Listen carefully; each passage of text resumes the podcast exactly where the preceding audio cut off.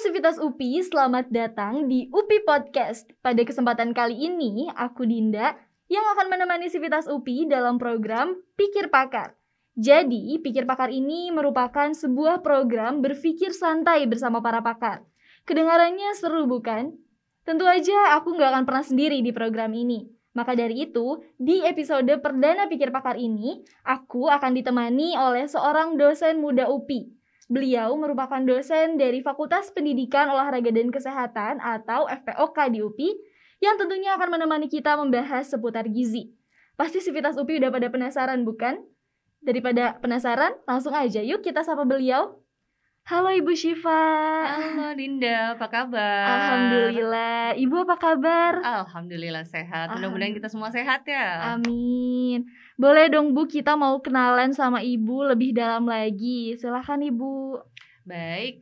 Halo Sivita Supi, uh, perkenalkan saya Syifa, saya dari Fakultas Pendidikan Olahraga dan Kesehatan saat ini saya merupakan salah satu dosen yang ada di Prodi Gizi.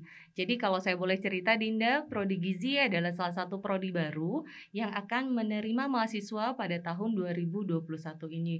Jadi kalau di UPI itu ada memang ada beberapa prodi ya, prodi yang uh, kependidikan, non kependidikan. Nah, sekarang ini dari FPOK ada prodi kesehatan. Selain keperawatan, sekarang FPOK akan menerima uh, mahasiswa yang mau bergabung di prodi gizi. Wah, menarik. Ini informasi baru ya dibukanya prodi ilmu gizi ini. Tahun ini, Dinda. Wah, ini pertama okay. kali ya berarti ya, Bu ya? iya, Nah, kira-kira yang melatar belakangi dibukanya prodi ilmu gizi di UPI ini apa sih, Bu? Jadi uh, seperti sudah saya sebutkan sebelumnya bahwa di UPI ada prodi kependidikan, non kependidikan. Nah, prodi di bidang kesehatan ini merupakan salah satu bentuk pengembangan dari UPI itu sendiri. Tentunya UPI ingin mencetak uh, generasi atau lulusan lulusan-lulusan yang bisa bergerak di berbagai bidang. Tentu salah satunya adalah di bidang kesehatan. Nah, di kenapa itu sendiri datangnya dari FPOK? Jadi sebagaimana kita tahu bahwa di FPOK itu kan memang jurusan-jurusannya atau prodi prodi-prodinya itu kan di bidang keolahragaan. Tentunya kita tahu bahwa untuk mencapai prestasi atlet atau performa yang optimum itu tidak lepas dari asupan makanan atau asupan gizinya. Sehingga dengan latar belakang tersebut uh, eh, FPOK mengusulkan bahwa uh, harus ada sebuah keilmuan yang dapat mendukung pencapaian prestasi atlet tersebut. Nah, salah satunya adalah dengan membuka prodi gizi itu tersebut. Gitu. Wah, iya ya berarti prodi ilmu gizi di UPI ini mendukung uh -huh. para atlet yang ada di UPI juga iya, ya, atlet yang ada di UPI dan ada insya Allah di seluruh Jawa Barat dan di seluruh Indonesia. Wah. Jadi uh, untuk yang kekhasannya di gizi olahraga, prodi gizi itu sebenarnya sudah banyak di Indonesia, tapi yang kekhasannya di bidang gizi olahraga itu baru hanya satu atau dua lah ya gitu. Jadi belum banyak gitu. Jadi kami berharap nanti selain menjadi uh, luar uh, apa namanya uh, outputnya mahasiswanya itu tidak hanya ahli di bidang gizi masyarakat gizi institusi maupun gizi klinis tapi juga menjadi seorang ahli di bidang gizi olahraga sehingga nanti misalkan untuk pekerjaannya itu bisa uh, untuk memberikan konsultasi gizi di gym begitu ya sekarang yeah. kan. Kemudian ada juga bisa untuk pendampingan atlet. Kita tahu sekarang orang lebih aware terhadap kesehatan terhadap makanan dan ini menjadi momentum yang sangat pas buat uh, prodi gizi Iya luar biasa berarti ada something spesial nih ya di prodi ilmu gizi UP ini. Tapi saya masih penasaran nih Bu. Kira-kira gambaran berkuliah di prodi ilmu gizi ini secara garis besarnya lagi itu kayak gimana Bu? Oke, jadi nanti mahasiswa itu akan memperoleh uh, latar belakang keilmuan atau ilmu-ilmu di bidang ada tiga tadi seperti yang sudah saya sebutkan. Ada gizi masyarakat, tentunya eh, hal-hal yang berkaitan dengan gizi yang ada di masyarakat, uh, artinya dalam uh, apa namanya di keluarga gitu ya untuk uh, berbagai kalangan usia juga.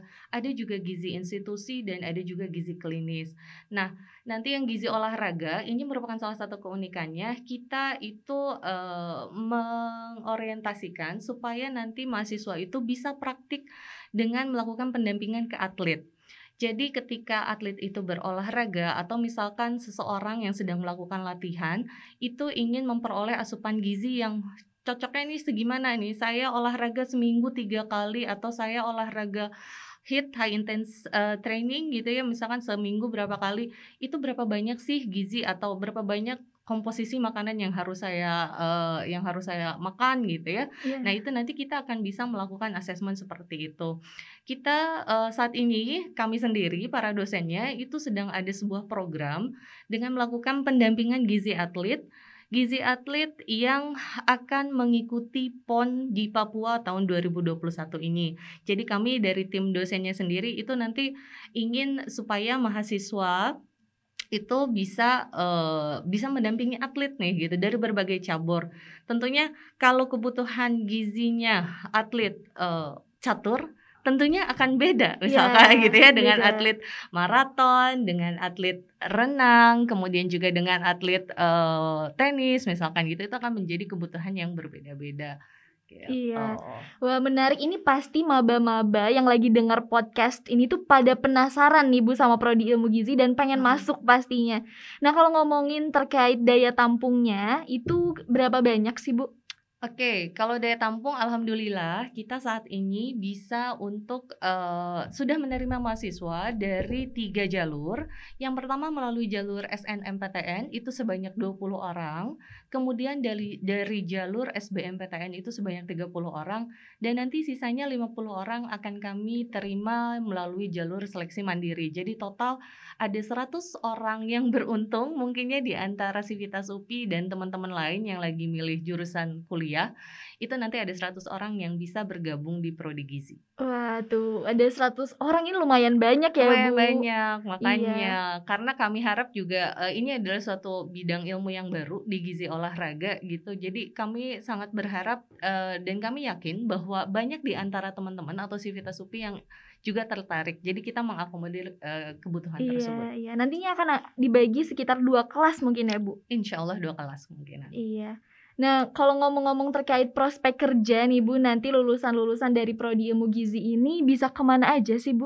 Oh, tentunya banyak ya Dinda. Ada yang bisa di industri makanan seperti yeah. mungkin nanti di perusahaan makanan, kemudian juga ada yang bisa di rumah sakit, di BPOM, Badan Pengawasan Obat dan Makanan, kemudian juga nanti bisa kalau untuk yang gizi olahraga ya sebagai tambahannya bisa bekerja di gym kemudian juga bisa bekerja di KONI katakanlah gitu di Dinas Pendidikan dan Olahraga oh banyak sekali iya. sangat terbuka gitu. luas ya Bu prospek Insya kerjanya iya. nah pasti orang-orang nih Bu Sivitas UPI yang lagi dengerin podcast ini mm -hmm. pada makin penasaran gitu mm -hmm. sama prodi ilmu gizi Apalagi Bu nanti nih ya kalau maba-maba yang masuk ke prodi ilmu gizi ini akan menjadi angkatan pertama ya Bu. Oh, tentunya angkatan pertama. Jadi jangan takut nanti uh, di FPOK kayak gimana gitu ya. Mungkin yang lain taunya uh, apa FPOK itu oh banyaknya cowok-cowok gitu ya. Iya. Sekarang nanti banyak cewek-cewek iya, juga gitu. banyak cewek-cewek. Karena biasanya ya. biasanya gizi itu identiknya dengan perempuan ya gitu. Ya. Peminatnya banyak perempuan.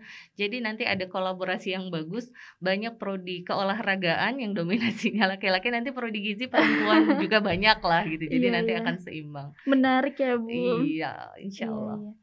Nah, oke okay, Bu, kalau misalnya kita membahas seputar COVID-19 nih Bu yang ada di Indonesia. Iya, ya, sangat ini ya sangat mengkhawatirkan ya iya, sekarang Bu. ya. Apalagi kalau misalnya kita nginget-nginget nih Bu ya, 2 Maret tahun 2020 lalu itu merupakan kasus pertama COVID-19 di Indonesia. Iya. Nah, sekarang kita udah lewat nih Bu, udah satu tahun berarti COVID-19 ada di Indonesia.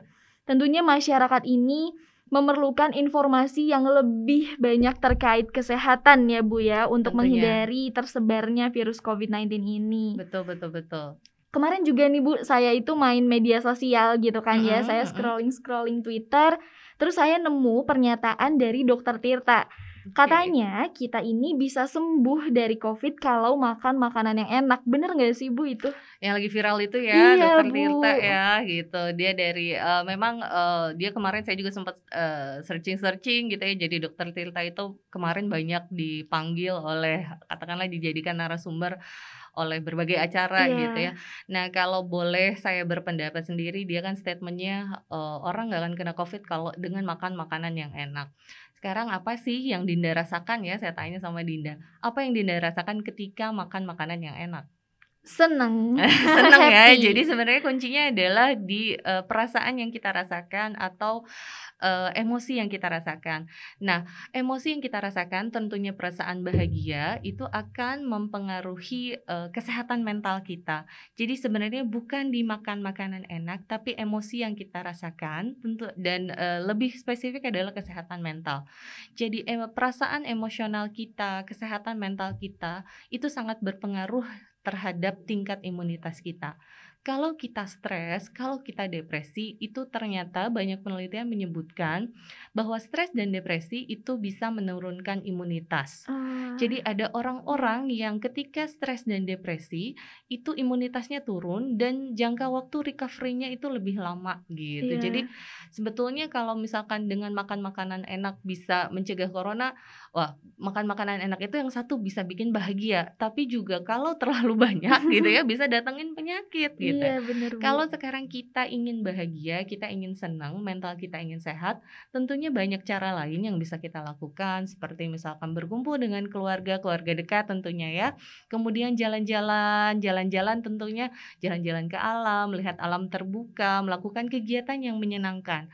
Intinya adalah pada kegiatan yang menyenangkan dan kegiatan yang menyenangkan itu tentunya definisinya buat berbagai orang uh, akan berbeda-beda ya, gitu. Ada yang senang baca, ada yang senang dengar musik gitu. Jadi uh, COVID itu tidak bisa uh, apa ya hilang, tidak, tidak bisa gitu ya. hilang begitu saja dengan makan ini akan nggak uh, akan kena covid dengan minum obat ini nggak akan kena covid intinya uh, kita bisa meningkatkan imunitas kita tapi tidak ada jaminan 100% bahwa kita akan terhindar dari COVID. Gitu. Iya benar-benar. Berarti bukan menghilangkan COVID dari makan makanan yang enak nah, iya, ya, tapi Bu, kitanya ya. mesti happy din. Iya gitu. benar-benar. Ada juga yang happy dengan berolahraga iya, misalkan. Iya, salah satunya gitu. aku bu. Oh iya, dia senang ya. Dinda iya. senang olahraga ya. Iya, okay. tapi olahraganya lari-lari aja bu. Ah, lari-lari. Karena jadi setelah berolahraga itu kan kita melepaskan hormon ya, hormon yang bisa merelaksasi, hormon yang bisa membuat kita bahagia. Salah satunya hormon oksitosin gitu ya. Itu ternyata bisa membuat membuat kita lebih bahagia dan tentunya menjadinya ujung-ujungnya meningkatkan imunitas kita gitu. Iya benar-benar. Ngomong-ngomong soal imunitas juga ini Bu ya kan tentu ada uh, makanan-makanan yang bisa meningkatkan imun seseorang ya, yang bisa bikin happy gitu saat Betul. makan. Nah, ngomong-ngomong soal makanan juga, tentu di masa pandemi COVID-19 ini kita memerlukan makanan yang seimbang. Betul. Betul sekali. Nah, ada juga tapi makanan yang berbahaya bagi kesehatan tubuh. Nah, salah satunya itu waktu itu saya pernah dengar nih, Bu, mm -hmm. ada isu kalau yang bilang bawang putih, kemudian jahe merah, kunyit, dan air lemon itu bisa membunuh COVID-19 yang ada di tubuh. Itu kira-kira mitos mitos seperti itu menurut pandangan Ibu bagaimana, Bu? Membunuh berarti the killers ya, gitu. Jadi uh, sampai saat ini kalau memang bisa membunuh, tentunya kita nggak akan divaksin dong, gitu oh, ya. Iya, kalau iya. memang divaksin, eh kalau memang dia si kunyit, bawang putih itu zat-zat yang ada di dalam makanan-makanan tersebut bisa membunuh COVID, tentunya sekarang kita nggak perlu vaksin dan kita nggak akan apa namanya uh, mengantri untuk divaksin gitu ya. Jadi sebetulnya yang tadi Dinda sebutkan tentang bawang putih, tentang jahe merah atau tentang lemon yang banyak mengandung vitamin C itu tidak bisa mencegah kita apa untuk terinfeksi dari COVID. Tapi jenis-jenis makanan tersebut sudah banyak terbukti dapat meningkatkan imunitas. Kalau yeah. imunitas kita meningkat, tentunya pertahanan tubuh kita akan lebih baik dan resiko untuk terkena COVID bisa menjadi lebih kecil. Tapi itu yeah. bukan jaminan 100%. Semua juga tergantung dari gaya hidup dan uh, pola konsumsi kita. Tadi Dinda sudah sebut-sebut gizi seimbang gitu ya. Juga yeah. mungkin Sivitas UPI mungkin uh, taunya dulu ketika kecil taunya mungkin empat sehat lima sempurna yeah, ya betul, gitu. Bu. Sekarang tuh jadi bukan di empat sehat lima sempurna lagi, tapi konsepnya adalah konsep gizi seimbang. Jadi melihat makanan itu bukan dari uh, jenis-jenis makanannya gitu ya, tapi apa yang dikandung dalam makanan tersebut. Jadi yang perlu diperhatikan bahwa dalam gizi seimbang itu harus ada sumber karbohidrat, sumber protein, sumber lemak dan jangan lupa meminum air dalam jumlah yang cukup. Wah, gitu. iya. Ini bisa jadi tips dan triks juga nih ya Bu Oh, dari tentunya. Ibu Syifa buat para sivitas UPI. Ini mungkin teman-teman yang lagi dengerin podcast ini bisa Mm-mm. langsung catet ya Bu tips-tipsnya tadi. mangga, Bermanfaat silakan. banget soal dari Ibu Syifa ini. Iya. Iya, nah Bu masih ngomongin soal mitos nih Bu. Ada juga kan mitos-mitos yang berhubungan sama gizi makanan yang Mm-mm. hadir sebelum adanya pandemi ini gitu. Mm-mm. Salah satunya ada yang bilang kalau Iya. makan sebelum tidur itu bisa bikin gemuk. Bener nggak sih Bu? Gimana ya, bener nggak ya gitu ya? nah gini, sekarang eh, saya tanya balik dulu ya sama Dinda. Dinda makan supaya apa sih selain selain eh, supaya kenyang gitu ya? Dinda kira-kira makan buat apa sih? Karena lapar sih Bu Karena biasanya. lapar Iya, ya. tapi biasanya karena lemes terus Ah. butuh energi gitu Ah, biasanya gitu ya. makan Nah, gitu. jadi salah satu tujuan kita makan adalah tu- tentunya bukan salah satu ya. Tujuan utamanya itu adalah untuk memperoleh asupan energi. Kalau jadi energi yang kita gunakan untuk kita eh, hidup, untuk kita tubuh kita melakukan metabolisme, kita bernafas, kita duduk, kita berjalan, itu semuanya butuh energi dan energinya ada dari makanan. Ketika Dinda makan atau mungkin Dinda nggak makan nggak pernah makan malam ya gitu atau teman-teman yang Civitas Supi ada yang makan sebelum tidur, maka makanan itu akan menjadi sumber energi buat kita. Tapi ketika kita akan tidur kan tidak ada aktivitas yang kita Iya, lakukan gitu iya, ya. Artinya energi yang tadinya masuk lewat makanan itu tidak akan digunakan oleh tubuh kita. Ketika energi atau makanan tersebut tidak digunakan gitu untuk melakukan sebuah aktivitas, maka tubuh kita akan memprosesnya menjadi cadangan energi. Cadangan energi yang paling banyak di dalam tubuh kita adalah dalam bentuk lemak. Sehingga itu sangat masuk akal Iya, iya, ketika bener-bener. sebelum makan kita nggak ngapa-ngapain jadi cadangan energinya disimpan dalam bentuk lemak di dalam tubuh kita jadinya ya gemuk Iya, gitu iya. Berarti ada rasionalisasinya juga oh ya, pasti Bu. semua itu juga eh, ada yang bisa dirasionalisasi ada yang tidak jadi pintar-pintarlah kita menyaring informasi Iya, gitu. betul, betul, betul, setuju. Nah, Bu, mungkin ada juga mitos-mitos lain nih, Bu, Nah, terkait banyak makanan. mitos. Banyak, Bu, bener. Jadi di masyarakat ini memang sering terjadi salah kaprah gitu, Bu, Betul, terkait betul. gizi yang terkandung dalam suatu makanan dan Betul. tentunya kita ini juga berperan untuk mengkat gitu Bu ya, Iya, memotong mitos-mitos tersebut. Karena biasanya mitos-mitos itu kalau udah tersebar luas, apalagi Mm-mm. sampai yang turun temurun begitu Bu, Mm-mm. itu biasanya sangat susah dihilangkan karena Mm-mm. sudah menjadi suatu kebudayaan gitu atau Iya. kebiasaan masyarakat. pemahaman yang umum gitu Iya, seakan-akan betul. jadi semua orang terima infonya selalu seperti itu Iya, gitu. seolah-olah jadinya oh benar gitu Mm-mm, kan, tanpa tahu rasionalisasi di baliknya Iya. begitu. Mm-mm. Nah, Bu ada juga nih yang bilang kalau gula itu Mm-mm. lebih berbahaya daripada minyak. Bener gak sih, Bu? gula lebih berbahaya daripada minyak. Sekarang kalau boleh saya lihat, ini di depan kita ada kopi ya, Iya. gitu ya, depan kopi. Eh, kopi itu ada apanya aja nih? Selain kopi, ada susu pastinya, Susu. kemudian ada gulanya, Iya. gitu. Ini mungkin gulanya sekitar kalau kita hitung pakai gula pasir gitu ya, mungkin ada sekitar 2 sendok makan gitu ya, dengan kemanisan yang seperti ini. Saya pernah coba loh kopi ini, kopi Iya. apa? Kopi Kopi isol dari Isola Cafe, dari Bu. Sola Cafe Iya. yang ada di UPI ya. Iya, ini baru juga nih mungkin juga ya, eh, enak Sivitas UPI yang belum sempat datang ke UPI ini kayaknya Ah-ah. belum pernah datang nih Bu ke Wah, Isola Cafe ini. Ini, saya udah pernah nyobain enak Ah, ini. enak ya Bu. Ah, Ya, ah. saya juga sering beli sih Bu. Oke, balik lagi ya. Jadi gula itu lebih berbahaya daripada lemak. Jadi sebenarnya kalau kita minum kopi yang kita rasain manis, Iya. kita selalu mengidentikan gula itu dengan rasa manis, padahal tidak selalu demikian. Beras, eh, nasi yang kita makan, misalkan tadi pagi, itu juga sebenarnya mengandung gula. Gula itu tidak selalu eh, kita mengenalinya dengan rasa manis, tapi dalam bentuk-bentuk ada dalam bentuk-bentuk yang lain. Seperti nasi itu mengandung sebenarnya mengandung gula. Oh, gitu, Karena iya, iya. gula itu ya salah satu eh, adalah eh, nama lain dari karbohidrat. Semua makanan yang mengandung karbohidrat atau bisa kita lihat secara kasat mata ya dalam bentuk tepung begitu ya, Iya. itu sebetulnya mengandung gula. Eh, Dinda bayangkan dalam satu hari paginya makan nasi, ngemilnya nanti bala-bala, Eh, siangnya aduh. pengen makan apa seblak. Seblak. itu teh tepung semuanya Iya, iya. gitu ya. Jadi itu banyak sekali makanan yang sebetulnya mengandung karbohidrat alias gula, Gula. dalam pola makan kita sehari-hari gitu. Sehingga tadi kalau gula itu dia dikonsumsi terlalu banyak dalam tubuh kita itu nanti akan disimpan. Karena kan tadi uh, dia uh, kalau mending ya kalau kita beraktivitas. Kalau kita tidak beraktivitas itu ujung-ujungnya akan disimpan lagi menjadi lemak dalam tubuh hmm. kita. Kalau lemak mungkin kita makannya nggak terlalu banyak hanya dalam bentuk gorengan atau apa gitu ya yang makanan yang digoreng. Tapi gula itu hampir ada dalam setiap kali kita makan Iya. Dalam setiap jenis makanan, bahkan di minuman pun sekarang banyak gulanya. Bisa Dinda bayangkan yang namanya boba, tentunya Sivitas Upi Aduh, tahu banget ya boba-bobaan ini Bu pasti. Teman-teman saya juga banyak kok yang suka boba. Iya, iya. ya itu gulanya, ya itu es krimnya gitu ya. Di di dalam susu juga ada gula. Iya. Belum lagi bobanya gitu. Betul, Jadi betul. itu sebetulnya uh, gula in a cup boba itu. iya iya. Uh, uh, uh, Tapi sebenarnya gula itu juga uh, penting ya Bu oh, penting, untuk kesehatan. Sebetulnya. Jadi mungkin jangan terlalu berlebihan iya, begitu ya, betul. Bu. Jadi kalau mau cari gula, cari adalah gula yang indeks glikemiknya rendah. Ya. Jadi indeks glikemik itu yang tidak terlalu cepat dicerna oleh tubuh. Kalau Dinda makan ini uh, minum, minum kopi, kopi yang ada kopi yang ada gulanya ini indeks glikemiknya tinggi. Dinda akan cepat menyerap gula yang ada di sini.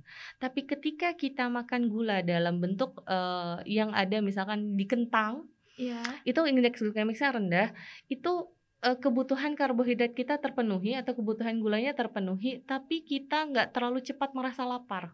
Iya. Kalau kalau minum ini tetap lapar gitu iya ya. Sih, Tapi kalau misalkan makan kentang dibandingkan nasi, sorry, makan kentang dibandingkan dengan nasi itu akan lebih mengenyangkan dengan kita mengkonsumsi kentang dan lebih sehat karena iya. seratnya iya. juga tinggi gitu. Iya, iya. Berarti Sivitas Upi nih yang hobi ngopi atau boba hmm. jangan terlalu berlebihan ya bu ya ya ini apa ya uh, treat yourself boleh ya yeah. gitu treat yourself boleh mungkin dua atau tiga kali seminggu tapi jangan uh, every time you drink you drink boba atau or uh. coffee gitu jadi cobalah.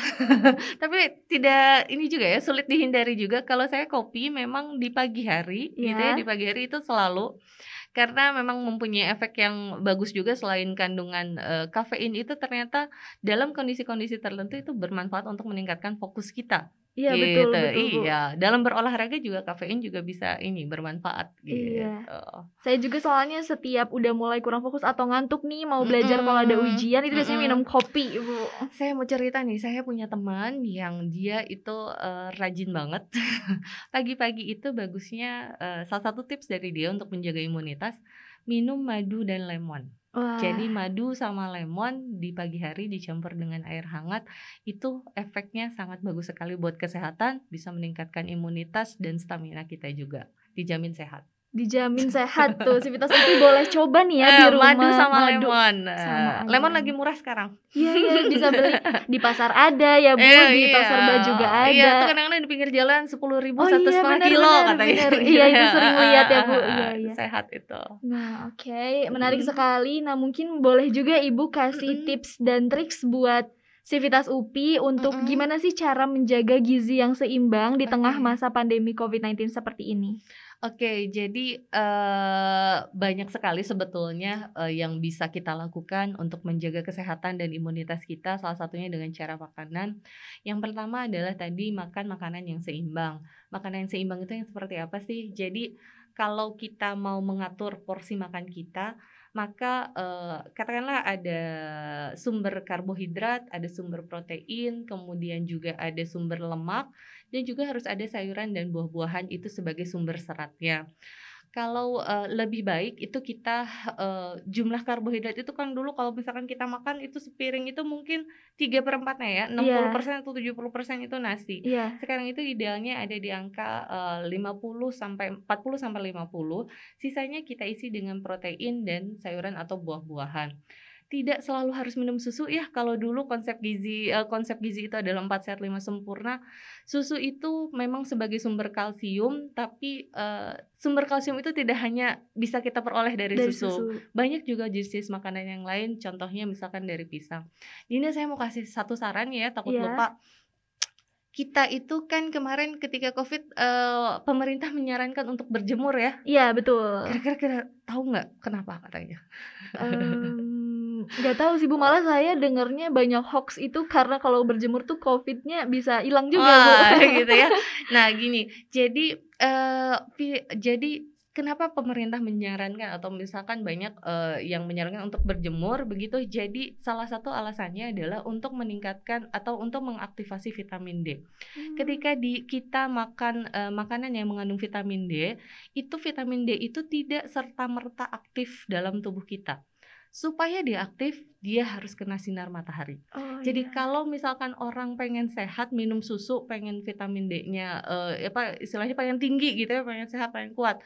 Hanya dengan minum susu tapi tidak dibarengi dengan sinar berjemur atau Iya, dengan berjemur. paparan sinar matahari yang cukup, itu akan menjadi sia-sia. Karena vitamin D itu butuh sinar matahari buat aktif gitu. Jadi 10 Oh. sampai 15 menit di pagi hari gitu ya, jangan kena muka banget, kena tangan dan kaki, kalau bisa punggung gitu ya Iya. Itu sangat baik sekali bisa untuk eh, kesehatan dan juga untuk imunitas kita. Iya, ini informasi Mm-mm. baru juga Bu buat saya karena saya baru tahu Ah, ternyata. lebih afdol lagi kalau sambil kita beraktivitas fisik gitu Iya. misalkan dengan jalan-jalan gitu sambil stretching atau apa Iya, di pagi hari di bawah sinar matahari insya Allah afdol ah, lebih sehat lagi ya Bu ya buat ya, tubuh. betul Iya. Aduh, nggak kerasa nih Bu udah Hmm. ada di pertanyaan terakhir Waduh ini. udah nyampe akhir lagi ya Iya, nggak kerasa ya Bu. Tapi mungkin ini akan agak berbeda dari pertanyaan-pertanyaan sebelumnya. Oke, ditanya apa lagi nih saya nih? Jadi kita akan sama-sama mendengarkan closing statement dari Ibu Syifa ini untuk para sivitas UPI. Silakan Oke, Ibu. closing statement ya. Iya. Apa ya dari kayaknya tadi udah banyak. Kalau saya sih eh gini ya, ketika kita eh ketika kita pengen sehat, tentunya kita ingin sehat ya semua di masa pandemi ini. Jadi ketika kita sudah berusaha berikhtiar menggunakan masker, cuci tangan, social distancing gitu ya, tetap kuncinya yang tidak boleh kita lupakan adalah makanan atau tadi gizi seimbang. Jadi pesan saya adalah you are what you eat gitu. Jadi kita adalah mencerminkan apa yang kita makan. Gitu. you are what you eat. You are what you eat. Oke. Wah, ini, ini pasti bakal keinget-inget nih Bu sama sivitas UPI. Ah, ah, ah. Mudah-mudahan kita sehat semua deh gitu ya. Amin. Ibu juga semoga Amin. sehat selalu ya Ibu. Insya Allah kasih. Iya. Oke Ibu, sekali lagi terima kasih karena udah mau hadir di episode perdana Pikir Pakar ini. Makasih. Jangan bosan mungkin ya Bu nanti kita kalau ngobrol-ngobrol lagi di episode Pikir Pakar lainnya. boleh nanti kita coba cari atau misalkan nanti eh, ada topik-topik apalah Iya, gitu ya pasti banyak nanti. yang seru nih seputar Oke, kesehatan pasti. siap Dinda Oke. Sekian percakapan kita terkait gizi pada hari ini. Jangan lupa untuk ikutin terus episode Pikir Pakar lainnya. Pikir Pakar, diskusi santai bersama para pakar. Sampai jumpa.